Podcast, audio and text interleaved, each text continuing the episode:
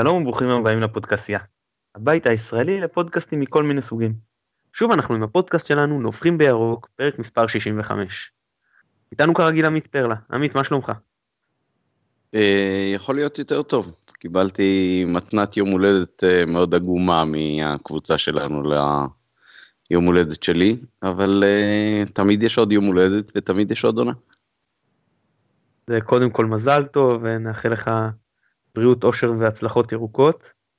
איתנו אה, לרגל המשחק של אה, אשדוד, ולא פעם ראשונה, יוחאי שטנצלר מאתר הזווית. יוחאי, מה שלומך? אה, גם יכול להיות יותר טוב. הרגע שמעתי שיכול להיות שיש לי מילואים אה, בזמן המונדיאל. אני שוקל אה, לערוק לרוסיה, לעשות שם חצי שנה צבא כרגע, כדי אה, לא להיות במילואים בזמן המונדיאל. יפה יפה. נותן לנו תמיכה טכנית מאחורי הקלעים כרגיל שלום סיונוב. אני מתן גילאור, בואו נצא לדרך. זה חברים כרגיל, אנחנו מתחילים עם אה, נביחות. יוחאי, בוא, בוא תנבח לנו. אה, מה שבאמת גרם לי לנבוח השבוע זה בעצם אחרי המשחק, אני הבנתי שמכבי חיפה הפכה להיות, סליחה פה זה מכבי, הפכה להיות נבחרת ישראל.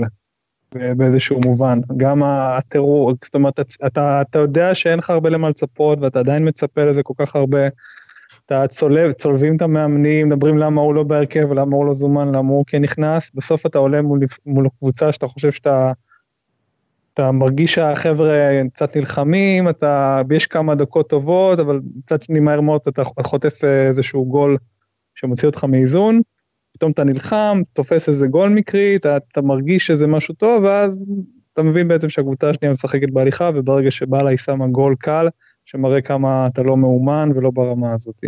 זה בעיקר מה שעצבן אותי השבוע. אוקיי, okay, עמית, רוצה לנבוח? אגיב קצת למה שאמר uh, יוחאי, אז קודם כל אני חושב שבאופן uh, די מפתיע, כמו שאני ראיתי את זה, אף אחד לא התייחס להבדלים בין המשחק הנוכחי למשחק הקודם שלנו מול מכבי תל אביב, שבעיניי היה הרבה יותר גרוע למרות שהוא נגמר ב-0-0. אני כן חושב שקבוצה כן מנסה קצת ליזום, כרגע היא לא תחרותית מספיק והיא לא טובה מספיק והיא לא מאומנת מספיק, זה נכון, אבל uh, אני חושב שכן יש איזושהי רוח חדשה במובן הזה. שהקבוצה שומרת על uh, הרכב קבוע, יש לי הרבה ביקורות עליו אולי, אבל יש איזשהו ניסיון לעשות משהו אחר מבעבר, וכן להביע קצת אמון בשחקנים, למרות שעד עכשיו זה לא מוכיח את עצמו. Uh, בוא נראה אותנו מול קבוצות הפלייאוף התחתון, שכרגע זאת הליגה שלנו, ונקווה שבעונה הבאה זה ייראה אחרת, זה בהחלט יכול להיראות אחרת. אני חושב שאנחנו רחוקים משם uh, מאמן אחד טוב וקצת סבלנות. זה לא כל כך עניין של אה, סגל, אני חושב שהפערים בסגל הם הגורם העיקרי לזה שאנחנו לא מצליחים בעונות האחרונות. קצת לפני ההקלטה שלנו, אז uh, עברתי לראות מה, מה הייתה מכבי תל אביב לפני האליפות uh, של גרסיה ולפני ההגעה של קרויף, שבעצם העלתה אותם על פסים חדשים לגמרי. אז בעונה שלפני הם סיימו במקום שביעי, זאת הייתה ליגה של 30 מחזורים, הם השיגו 41 נקודות, שזה פחות מ-50 אחוזי הצלחה, ועונה אחר כך הם לקחו אליפות ראשונה מתוך uh, שלוש ברצף. אז המהפך פה יכול להיות מאוד מאוד uh, מהיר, ואני מקווה שזה מה שיקרה. משום מה זכרתי שהם סיימו מקום שישי, אבל uh, סומך עליכם אם אתה אומר שביעי. אוקיי, בוא, אני, אני, אני תוך כדי אני, אני אבדוק את העניין הזה, זה, זה מסקרן אותי. אבל אה, אז קודם אני אה, אגיד את הנביכה שלי, שהיא אה, שאפו ענק לקבוצת כדורף נשים של מכבי, שלפני שעה קלה גוברת במשחק העונה עם מקום שני, וכפר סבא, האלופה, הגיעה עם מקום ראשון, בלי הפסד, ומכבי 3-0 חלק בבית, נותנת הרבה תיאבון לקראת רגעי ההכרעה של העונה, גם יש עוד מעט את השלבים המכריעים בגביע, ואחרי זה המשחקים האחרונים ב... בחלק. בעונה סדירה, ואז פלייאוף. אז נאחל לה בהצלחה ושאפו ענק על הניצחון הזה. והנה אני בודק ואני אומר לך, מקום שישי, באמת 37 אה, מחזורים היה ב... שיחקו, זה היה 16 קבוצות, שיחקו כאילו שני סיבובים כולם נגד כולם, ואז השמונה הראשונות עוד סיבוב אחד, אה, השמונה האחרונות גם סיבוב אחד ביניהם. אבל סתם זה זניח, בואו נעבור לדבר שלשמו התכנסנו, נדבר קצת על השיטה של אה, מכבי, אז אנחנו רואים שגם אה, במשחק בבאר שבע, וגם נגד מכבי תל אביב, מכבי מנסה ליזום ולשחק את המשחק שלה. זאת אומרת, הסגנון, הצורה שבאים, הגישה למשחק נגד הפועל תל אביב, רעננה, באר שבע, מכבי תל אביב, רואים אותה גישה. מצד אחד יש פה את העניין של להטמיע כדורגל יוזם, כנראה מתוך איזושהי מחשבה לעתיד. שאלה שלי זה האם זה נכון לחשוב באמת על העתיד, להטמיע עכשיו איזו שיטה כבר לקראת העונה הבאה, סביר להניח שזה מה שהלך רוצה, או שעדיף לנו לשחק קצת יותר מבוקר, לנסות להשיג כמה שיותר נקודות העונה, כי בכל זאת אולי עוד נשארו מטרות העונה שיש להשיג. יוחאי, מה דעתך? שאלה מורכבת, כי זו גם שאלה של באמת מי מהסגל הזה יהיה בעונה הבאה שחקן הרכב. אמ, לצורך העניין, אם אנחנו לוקחים את התקופה של רוני לוי, שאתה דווקא מרבה להזכיר אותה, שיחקנו עם שלושה קשרים אחוריים, שממש עיצבה אותנו, ואז יכול להיות, אז מצד אחד יש פה קטע של אוקיי, לתרגל שיטה שאולי אנחנו נרצה להשתמש בה בעתיד. חיפה כקבוצה מובילה צריכה להיות קבוצה שמובילה ותוקפת וזה חשוב. מצד שני, היום מה שבאמת חשוב זה הביטחון, הביטחון ו- ולשחק טוב, לצבור עוד איזשהו ניצחון ולתת איזושהי רוח טובה קדימה. אה, לסיים את העונה הזאת בטעם טוב אולי יכול לעזור קצת אה, לעונה הבאה. אה, כמובן שצריך עוד פעם גם את השחקנים המתאימים לזה, כמו שאתה אומר. שאלה קשה, כי גם חיפה צריכה להיות קבוצה שיודעת, אתה יודע, לא להיות מקובעת לאיזשהו מערך מסוים. אני חושב שכרגע אנחנו, בגלל שעוד לא הלכנו לים, אנחנו צריכים למצוא כרגע את הדרך הכי טובה לנצח משחקים, לעמוד בהם, ואחר כך אולי בשלבים הבאים קצת אחרי שכבר יודעים פחות או יותר מה, מה עושים, התחיל קצת לתרגל דברים אחרים. אוקיי. אני אה, חושב, אני חושב ש, שבאמת אה, זה, זה חלק מהדילמה של אה, טווח קצר מאוד וטווח ארוך יותר עם פנים לעונה הבאה. רוב המשחקים שלנו, אנחנו כן יכולים להיות קבוצה יוזמת. אני חושב שהביטחון יכול לבוא או ממשחק רציף של אותם שחקנים שבסך הכל כסגל הם כישרוניים יותר מרוב הקבוצות בליגה, או מניצחונות. ואצל רוני לוי באמת הלך לו השיטה, הלכה לו השיטה הזאת של לבצר מאוד את החלק האחורי שלנו, לשחק כדורגל שהוא הרבה יותר מכוער, וזה הביא תוצאות במובן הזה שהגענו למקום שלישי ולקחנו גביע, אבל כשפתחנו את העונה שאחרי, אז עפנו מול הנמושות של נומה קליו בטאלין, ובעצם לא נבנה פה שום דבר שיכול לשרת אותנו לטווח ארוך. ופה כשמשחקים עם הרכב קבוע פחות או יותר, שמנסה ליצור כדורגל יוזם, אז יכול להיות שדווקא העובדה שנותנים אמון בשחקנים שבוע אחרי שבוע, uh, נותנים להם באיזשהו מקום למצוא את הפתרונות לבד, וזה לבד לגמרי, כי באיזשהו מקום גם משחקים בלי מאמן, אז זה כמובן הרבה יותר קשה. אבל uh, יכול להיות שאת הפירות של זה באמת אנחנו נקצור לאורך זמן. אני מניח שזה נעשה כשמי שעומד בראש המערכת המקצועית כרגע לא באמת אה, חושש מהסיכון של אה, ירידת ליגה וחושב שזה חשש לא ריאלי. יכול להיות שיש פה סוג של הימור, אני דווקא די אוהב את זה. אני איתך פה מהבחינה הזו, אה, המשחק נגד אשדוד הוא במידה מסוימת קו פרשת מים, עוד ניגע בזה בהמשך. בואו, אני אומר שאם נגיד מנצחים את המשחק הזה, אז מעשית העונה של מכבי די הסתיימה, אני כבר מאמין שנרוויח מספיק נקודות כדי שהירידה לא תאם עלינו, פלייאוף העליון נראה באמת כבר אה, רחוק מדי, ואז משחק אחד בגביע, לא נורא, אני אומר את האמת, אני לא רואה אותנו זוכים בגביע, ולמרות שזה מכבי תל אביב, ככה בשקט בלי שאף אחד יקשיב, אני מאוד מאוד אתבאס אם נפסיד, בהיבט קצת יותר רחב זה לא משחק כל כך משמעותי, לדעתי פחות ממשחק הליגה, ולכן אני חושב שבאמת, אם באמת ננצח את המשחק באשדוד, כבר צריך לחשוב בכל המהלכים המוכוונות צריכה להיות לעונה הבאה. בכל מקרה, במשחקים האחרונים שיחקו לא מעט אה, שחקני בית. הצעירים ביניהם, זה יונתן לוי ורז מאיר, מוחמד עוואד, הם לא נראו מספיק טוב. כולם לא נראו מספיק טוב והם על אחת כמה וכמה. עכשיו זה תוצר של מחלקת הנוער ששואבת תארים בעונות האחרונות. מאיפה נובע ההבדל הזה שבנוער נראים כל כך טוב ובבוגרים נראים כל כך רע? מה דעתך עמית? אני חושב שבשורה אחת אם לענות לזה, זה העובדה שבנוער אה, שחקנים שמגיעים מגיל צעיר יותר ומצטרפים לקבוצת הנוער, מצטרפים לקבוצה אלופה, קבוצה שזוכה בתארים, קבוצה שיש לה הרתעה, קבוצה שיש לה יכולות אה, גם במגרש וגם מסביב למגרש, באופן אה, משמעותי הרבה מעל ומעבר לכל יתר קבוצות הליגה. ובקבוצת בוגרים כרגע המצב הוא בדיוק הפוך, ובגלל זה היום בניגוד לעבר, לשחקני נוער הרבה יותר קשה להשתלב. אני מניח שכל אחד מהשמות שהזכרת וגם שמות אחרים שהיום אה, מושאלים או שכבר נמכרו לקבוצות אחרות, יכלו להפיק מעצמם אה, במכבי הרבה יותר אה, ממה שהם הפיקו, אם מכבי הייתה בשש שבע שנים האחרונות קבוצה שמתמודדת על תארים ורצה בצמרת, ולא קבוצה לחוצה שמפחדת מהרגע שהיא תחטוף גול ולא תצליח להפוך את התוצאה. חוזר כל הזמן לשאלה של ביטחון עצמי, שחקן צעיר הרבה יותר קשה לו בנקודה הזאת, וברגע שיהיה מישהו על הקווים שייתן קצת יותר ביטחון וייתן יציבות בסגל, חלק גדול מהקשיים שלנו בעונות האלה זה שממחזור ראשון שבדרך כלל לא הצליחו בו, עד uh, השלבים המאוחרים שכבר uh, איבדנו עניין באוקטובר-נובמבר, אז uh, שחקנים לא יכלו למצוא את עצמם, לא יכלו לקבל ביטחון, לא יכלו לשחק באופן רציף, ושחקן שלא יכול uh, להרשות לעצמו לעשות טעויות, פועל עם עוד רגע אחד של חשיבה, לא פועל באופן אוטומטי, לא פועל בתוך שיטת משחק שמאפשרת לו לשחק עם פחות חשיבה ויותר על אה, דפוסים קבועים, והוא מפיק את עצמו, מעצמו הרבה פחות מאשר אה, שחקן שיכול אה, להרשות לעצמו איזשהו מרווח טעות.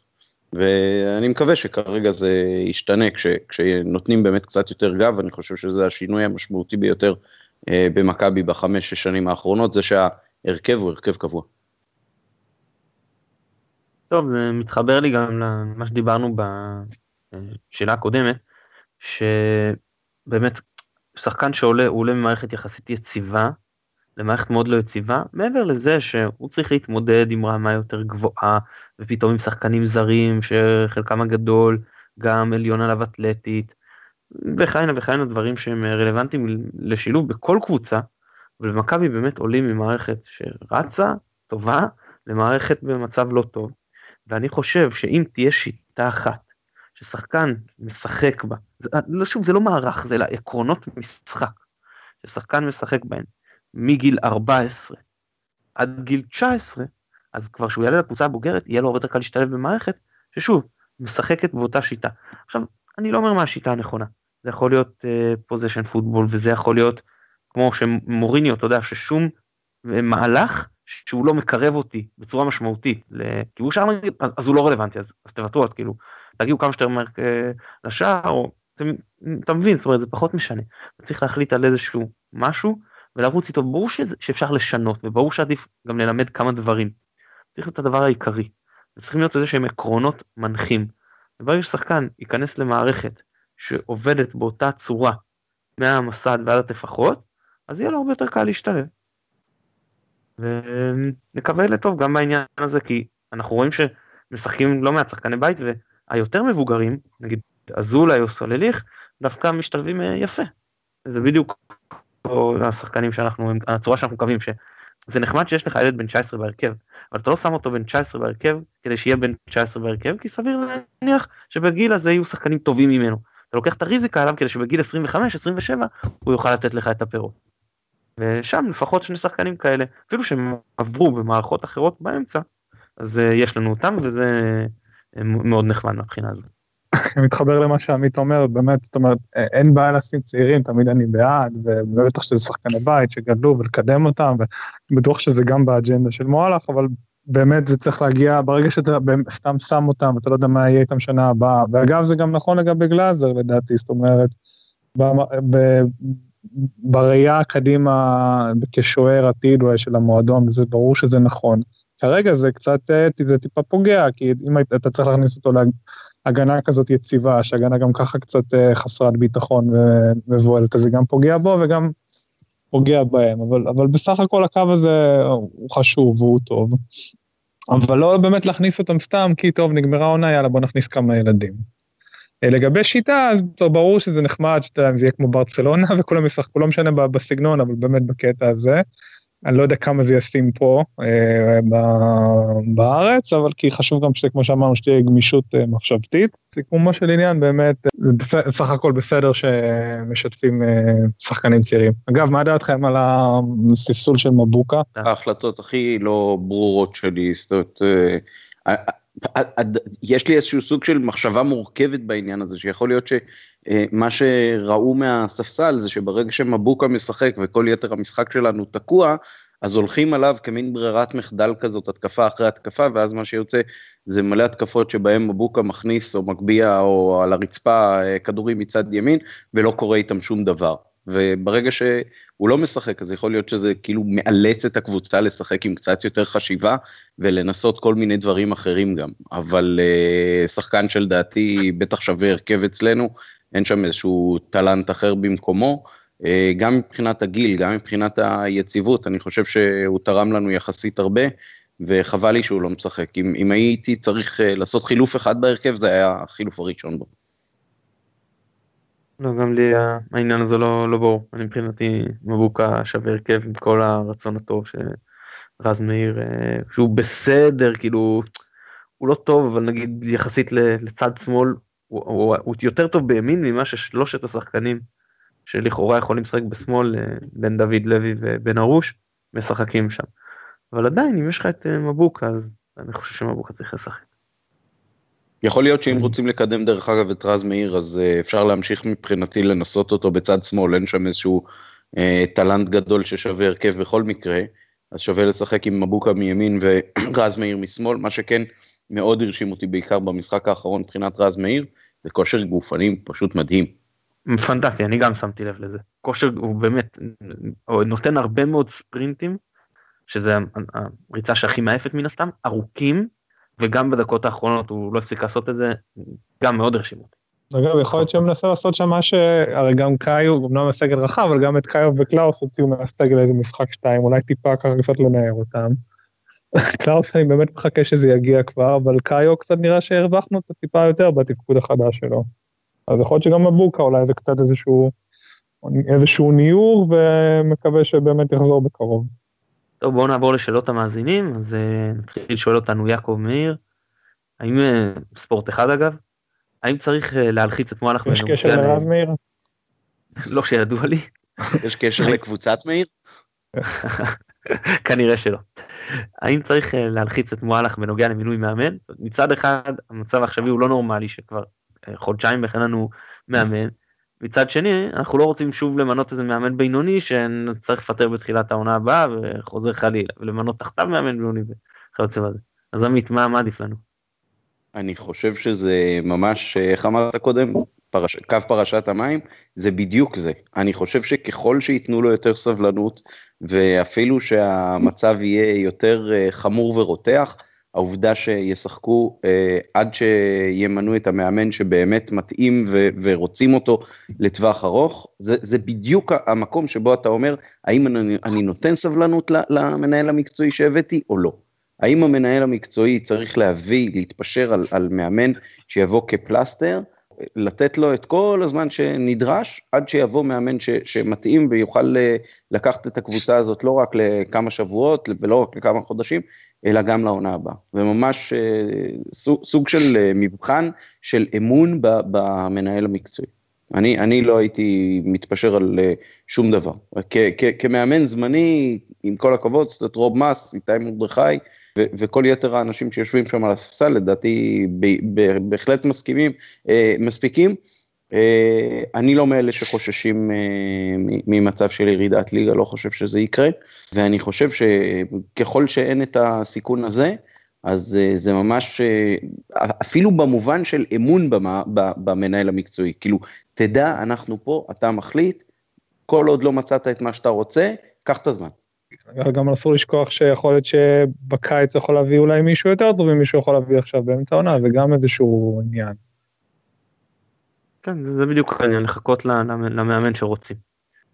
אמ, ואני מקווה שזה לא יעלה לנו בדברים לא, לא, שאנחנו נדבר עליהם בהמשך. שואל אותנו יותם זמרי, שאלה ברשותכם שאני ארצה לענות עליה ראשון, למה אנחנו האוהדים, חבורה היסטרית, אני קצת משנה את הנוסח שלו ש...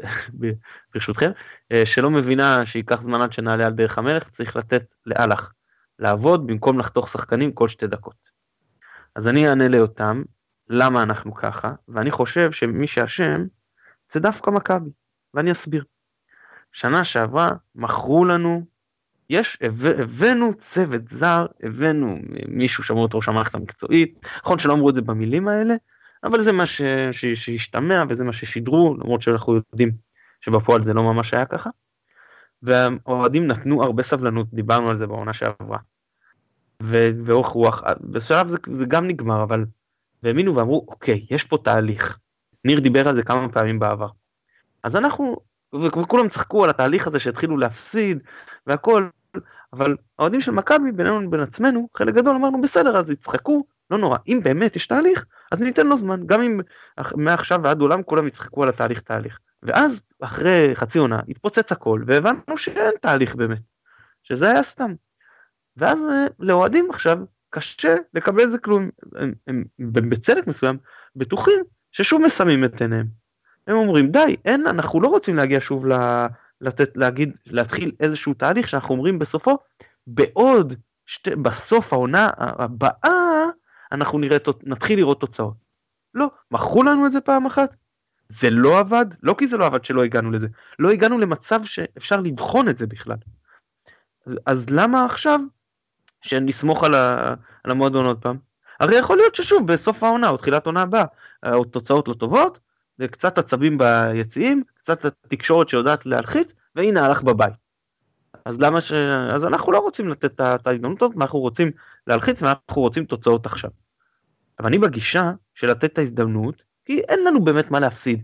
אז עוד עונה שבמקרה הטוב נסיים מקום חמישי, עד עוד עונה שאולי נרוויח במחזור האחרון מקום רביעי ועם איזושהי מחזיקת גביע שתהיה בצמרת, נוכל להגיע, בלאו הכי לא מדורגים לסיבוב ראשון או שני באירופה.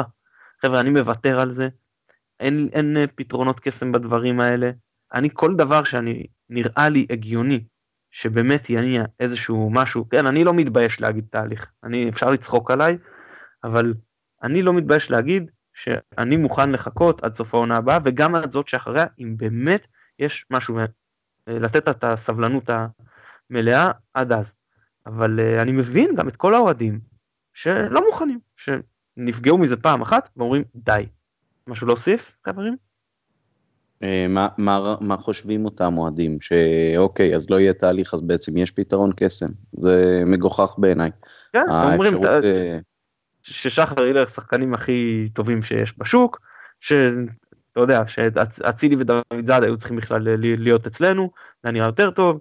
ואני לא יודע, שוב, אני לא, אתה יודע, אוהדים לא תמיד רציונליים, לפעמים יושבים ביציע, והקבוצה סופגת גול אחרי 13 שניות, וזהו, וזה עוד מול אה, מישהי שהיא יריבה גדולה, אז, אז כבר לא, אז כבר רציונל הולך, אה, ואז כל מה שמצטבר כבר מתפרץ. אני יכול להגיד לא, שאני אני אחרי 13 שניות, אחרי שראיתי את הכדור אה, נכנס, עוד המשכתי לעודד. זאת התפיסה שלי בגד... בכלל, אבל דווקא עכשיו. אני מרגיש כאילו, די, בעונה הזאת זה כבר יעזור לה להלחיץ את המערכת עוד. זה כבר לא, לא משנה, תנו להם, כמו שאמרנו, דיברנו על זה, לבנות משהו לעונה הבאה. שוב, חס ושלום, בלי שניכנס פה למאבקי תחתית על הירידה. אני חושב שדווקא העובדה שהמצב שלנו כל כך יותר גרוע אפילו מהעונה הקודמת, תן לקהל, לפחות ברובו, זאת גם תחושה שלי כרגע לגבי מה שקיים, שהבנו שהעונה הזאת נגמרה, ולכן יש הרבה יותר זמן לסוג של אה, סטאז' כזה לקראת העונה הבאה. גם בלראות איזה שחקנים מתאימים, גם בלהביא את המאמן בסבלנות הנדרשת. די, אין לנו מה להרוויח מהעונה הזאת, אלא את, את העובדה שהמנהל המקצועי באמת יקבל את, את הגב ש, שנדרש לו, וידע שהוא בעל הבית המקצועי פה במועדון. ואם אנחנו נעשה את ההפך, אז, אז בעצם אנחנו יורים לו ברגליים ו, וקוראים לו את הקבר ש, שאליו הוא ייכנס בתחילת העונה הבאה, או לכל המאוחר בנובמבר הבא. וככל שייתנו לו את, ה, את הקרדיט שהוא יודע מה הוא עושה, שלא הביאו אותו סתם כ, כפלסטר, אלא כמישהו שבאמת אמור לבנות פה משהו ארוך טווח, אז אה, זה בדיוק הזמן לתת לו את, את הדישון הטוב הזה לתפקיד שאליו הוא הגיע. כן, הרוח של רדיו חיפה, אני קורא לזה פה, היא קצת מה שנקרא נבואה שמגשימה את עצמה. כי הם כבר, אתה יודע, כבר שלחו את ההלך הביתה, אומרים, או עכשיו בן, דוב אומר, בן אה, דור, סליחה, אומר, לא, אין עכשיו מה לשלוח את הלך, אבל גם לא, לא להמשיך איתו כאילו לאורך זמן. כאילו, אתה מבין? ואז אוהדים, אוהדים שומעים את הפאנלים האלה, ו... ו... וזה מחלחל בסופו של דבר, זה מחלחל, כן. וזה מחלחל, ואז זה כבר, אתה כל כך מלחיץ את המערכת וכל כך כולם באים באנטי, שאין שום סיכוי להצליח, ואז אתה אומר, הנה הוא נכשל. אז אני אומר שצריך, אה, אפשר, אנחנו שומעים את רדיו חיפה בדרך חזור ממשחקים, בעיקר כי זה מצחיק. אבל צריך לדעת לקחת את זה ברצינות הנכונה ולא לתת לאנשים שחלקם עם אינטרסים וחלקם חיים על clickbait להכתיב לנו את האג'נדה ואת סדר היום. זה באמת, זה באמת סוג של נקודת מבחן, האם אתה נותן להם להכתיב או לא נותן להם להכתיב. דווקא בהקשר הזה אתה כן יכול ליצור בתוך המערכת פנימה את התחושה הזאת של העולם כולו נגדנו, ולהראות לאלאך, אה, העולם כולו נגדנו, אבל פה בבית אתה בטוח, פה יש לנו אה, מבצר סגור שלנו, ואנחנו מקבלים את ההחלטות על בסיס אה, העמדה המקצועית שלך, עזוב את כל מה שאומרים בחוץ. דווקא במובן הזה, זה, זה ממש אה, סוג של אה, נקודת מבחן, שככל שהמועדון יצליח לעמוד מנגד ולעשות הפוך ממה שאומרים ברדיו חיפה, אני חושב שאנחנו נקנה הרבה חוזק להמשך. טוב, אז יוחאי, מי שזוכר ואם לא אז נזכיר שוב, אז הוא אוהד גם של מכבי וגם של אשדוד, ומאותו אשדודי במקור, ולא כן. בערך, או עכשיו זה כבר, עם כל הקבוצות שיש שם זה כבר מתערער בטח, אה? חוזרים למקורות יותר או שלא. טוב הדעה שלי גם כן קצת חלוקה בעניין הזה זה נושא אחר לגמרי זאת אומרת לא יודע איך שאני רואה את זה באשדוד ברור יש, יש את העניין עם העירייה ועם ג'קי ומניח ששחיתות והוא עושה מישהו מזה קצת אה, כסף מהצד על חשבון התושבים אין ספק מצד שני עוד פעם זה היה מועדון ש... שהחזיק הרבה שנים בליגת העל, קרוב ל-20 שנה רצופות, מגדל שחקני בית, משתף אותם, הרבה פעמים ככה, כאילו קבוצה שאתה יודע, מוציאה יותר כזה ממה שיש לה, הרבה פעמים הגיעו לפלייאוף העליון. הייתה חסרה לה היריבות הזאת, היא באמת, זאת אומרת, היא הייתה קבוצה שלא מגיעה להישגים. אפילו כשקבוצה יורדת ועולה, יש איזשהו עניין. קבוצת אמצע טבלה כזאת, זה לא יודעים מה משעמם, אין איזושהי יריבה אמיתית. אה, כשמוסיפים לזה את כל העניינים האלה ככה עם ג'קי, אז, אז המרמור, אז להרבה אנשים היה כיף פתאום לחזור לעירוני, ויש שם המון צעירים שבעצם נולדו אחרי בכלל שהיה עירוני, ומעודדים, ובאטרף על זה, ובאטרף על הדרבי. אז כאילו נראה שיותר חשוב להם הדרבי והיריבות, מאשר אה, כאילו להתחבר לאיזושהי קבוצה מהעיר, ולא יודע, אני לא נגד, ואני אני, אני בעד כולם, באמת, אני... זוכר את עצמי כילד, כאילו הייתי אוהד עירוני, אבל עירונית כבר עלתה ל- לליגה הראשונה, עדיין הייתי מסתכל בעיתונים מה עשתה הפועל והייתי מקווה שהיא תצליח, אז כזה אני. אמ, אז עדיין אני, בוא נגיד, מאחל לכולם בהצלחה. אוקיי, okay, אני, יש פה, אני אמביוולנטי לגבי זה, כי יש הבדלים מאוד גדולים ברגשות שלי לגבי הקבוצה הבוגרת באשדוד, עם ג'קי וכל מה שקרה, שסתם לא מעט רגשות שליליים. לגבי האיש הזה שהוא עבריין מורשע. ובין הערך הקהילתי שיש של מחלקת הנוער של זה שהיא, אתה יודע, מעסיקה מאות, תקן אותי אם אני נכון, מאות ילדים ובני נוער. כן, כן, בהחלט. חלקם מוציאה אותם מהרחוב, והיא נותנת להם תקווה. האקדמיה היא, כן, האקדמיה אגב היא בבעלות ג'קי, ויש שם גם איזשהו. עניין, אקדמי, לא משנה. אבל כן, נכון, אבל יש פה ערך חברתי, וגם אם הוא עושה מזה כסף, עדיין יש פה נכון, בסופו של דבר ערך חברתי, אפילו זה לא, מי לא נשמע. בגלל זה אני קצת, זאת אומרת, לא, לא, אין לי בעיה עם הקבוצות האוהדים שקמו, אבל לא המחאה, זאת אומרת, באמת נגד הקבוצה, כי היא באמת משתפת צעירים, והרבה צעירים מהאזור, ומגיעים לנבחרות ישראל, ויוצאים לשחק בחו"ל, והמון כישרונות, ואגב, אה, ג'קי בדרך כלל דאג למחירים זולים לאוהדים גם כן. זאת אומרת, לא יודע אם ג'קי או הנהלה או מי שעמד בראשה, הרבה פעמים המחירים היו ממש ממש זולים, כאילו שיבואו, ולא באים, אתה יודע. לא הצליחו להביא קהל אה, לאשדוד, ובאמת זו עיר של 200 אלף תושבים, ופשוט לא, לא הצליחו, לא הצליחו לעשות את זה. גם בעונה הגדולה, אני זוכר שניסו לעשות גלקטיקוס, שכמעט הסתיימה בירידת ליגה, ולא באו אנשים. אז באיזה מקום זה מייאש גם כן. ועכשיו אני, אני, אני באמת, אני זוכר שכתבתי את זה בהתחלה, שלא, לא, לאוהדים היה חסר היריבות פשוט, היה חסר כאילו מישהו לשנוא, אתה יודע, זה, זה דרבי כזה, לבוא ו... ואז אתה יודע, אז עכשיו שתיהם התחילו בליגה ג' והיה את הדרבי ליגה ג' ואז אה, עירוני עלתה לליגה ב', היא לא הצליחה לעלות לליגה א', בינתיים אה, אדומים אשדוד אה, עלו גם כן, השנה היה את הדרבי 6,500 איש. אני לא יודע אפילו כמה אוהדים באים למשחקים של מ"ס התקופה הזאת, לדעתי באזור, אני לא חושב שמגיעים 2,000 איש. טוב, כמה נקודות מקצועיות אולי לגבי המשחק ביום שבת? קונטנדרית רצינית לתואר הקבוצה החלשה בליגה, אה, השיגה שני ניצחונות העונה, שניהם ככה די במקרה, זאת אומרת, זה משחקי חוץ שהיא פיגרה בהם, והצליחה איכשהו לכבוש שני שערי בזק, כאילו, במחצית השנייה ככה בעמוק. זאת אומרת, לא היה לזה משחק, לא היה לה שום משחק עונה שהייתה דומיננטית וניצחה. שתי הדבר, שתי ההישגים האלה שרשמתי נגד, אה, זה היה נגד בני יהודה ונגד אה, קריית שמונה עם ניצחון דקה 90, זה היה, הושגו בחוץ. נגד נתניה כמעט שחזרה את זה שוב, הביאה שני גולים תוך שתי דקות, אה, חזרה מפיגור ולמלא שער בנבדל דקה 88 הייתה יוצאת עם עוד ניצחון. אז כמו שאמרתי, שתי ניצחונות בחוץ, אפס ניצחונות בית, שתי תוצאות, כאילו שתי נקודות בבית בשמונה משחקים, שני ניצחונות הכי מעט בליגה, אה, סופגת כמעט בכל משחק.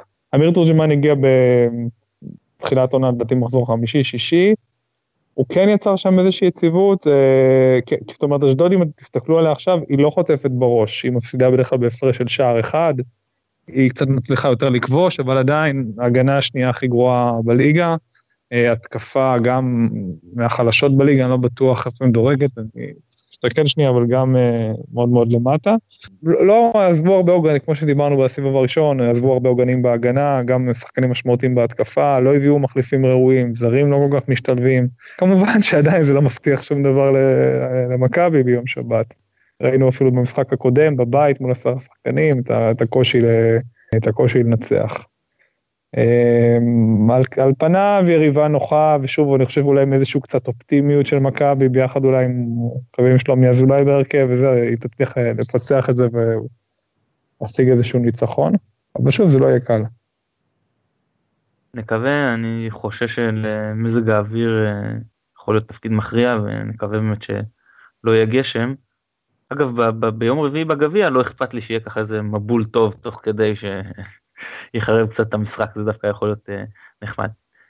טוב, בעצם uh, שאלה אחרונה לפני ההימורים, וזה בקצרה אם אפשר, תענו לי, כי הוא קצת, uh, היה לנו עניינים טכניים וכבר אחרינו מחכים גם להקליט במסגרת הפודקסייה. אז uh, נשאל אתכם, האם במקרה שמכבי מפסידה לאשדוד, ואז היא חמש נקודות מהקו האדום, נכון? תקנו אותי אם אני טועה, או ארבע, סליחה, נקודות, ארבע, ארבע נקודות מהקו האדום, יש סיכוי סביר שמכבי מוצאת עצמה בעונה הבאה בליגה השנייה. עמית, יש תרחיש כזה? לא, אין מצב. פשוט אין מצב. יוחאי? אנחנו פשוט לא, לא, לא הראינו שאנחנו יודעים להתמודד מול היריבות האלה העונה, זאת אומרת כל פעם שפגשנו דווקא את היריבות הנחותות האלה של הפלייאוף התחתון, פשוט נראינו עוד יותר רע. אה, והפסד כזה וארבע נקודות, ואין היום שחקנים, אתה יודע, אתם אומרים לא, לא נראית כי זה, כי זה מכבי חיפה, אבל אין להם שחקנים שיודעים מה זה מכבי חיפה, וזה לא רק שזה, זה גם שחקנים שלא רגילים להיות במאבקי תחתית. אה, אני לא מאמין שזה באמת יקרה, אבל, אבל, אבל זה לא תרחיש בלתי אפשרי. אני מסכים, זה לא תרחיש בלתי אפשרי. המערכת הזאת, בתפיסה שלה, בהלך רוח, לא בנויה להתמודד עם אה, מאבקי ירידה, ואני אישית, אנחנו מפסידים את המשחק הזה, ממש מתחיל לחשוש. יום שבת, שעה שש ורבע, אצטדיון הי"א, אשדוד נגד מכבי, יוחאי תן לי תוצאה. 2-0 מכבי. עמית, תוצאה? 2-1, לנו. אני הולך על 1-1 שמשאיר אותנו בטווח ביטחון. אה, הולך על 1-1 או חותם על 1-1? חס ושלום. אני, גם במשחק, לפני המשחק במכבי תל אביב, לא חתמתי על תיקו, אני אף פעם לא חותם. איך אמרתי פעם, וקצת בצחוק, לא מזמן, שגם עם עשרה שחקנים בקאמפ נו אני לא חותם על תיקו בשביל אה, מכבי. זאת אומרת, מכבי זו קבוצה שעולה, גם אם אני מהמר שהיא תפסיד, אני לא, לא חותם על אה, שום דבר חוץ מניצחון, מכבי צריכה לעלות בשביל לנצח. זה תמיד. זה יוחאי, המון המון תודה שהתארחת אצלנו. מרגיש בשמחות. יופי, וחברים תעקבו אחרי הזווית שיוחאי כותב שם, באמת אה, חבר'ה נהדרים. עמית, כרגיל תענוג. תודה רבה גם לי. אנחנו שוב נודה לשלום סיונוב שנותן לנו את התמיכה הטכנית מאחורי הקלעים. אני מתן גילאור, תודה רבה שהאזנתם, ביי ביי.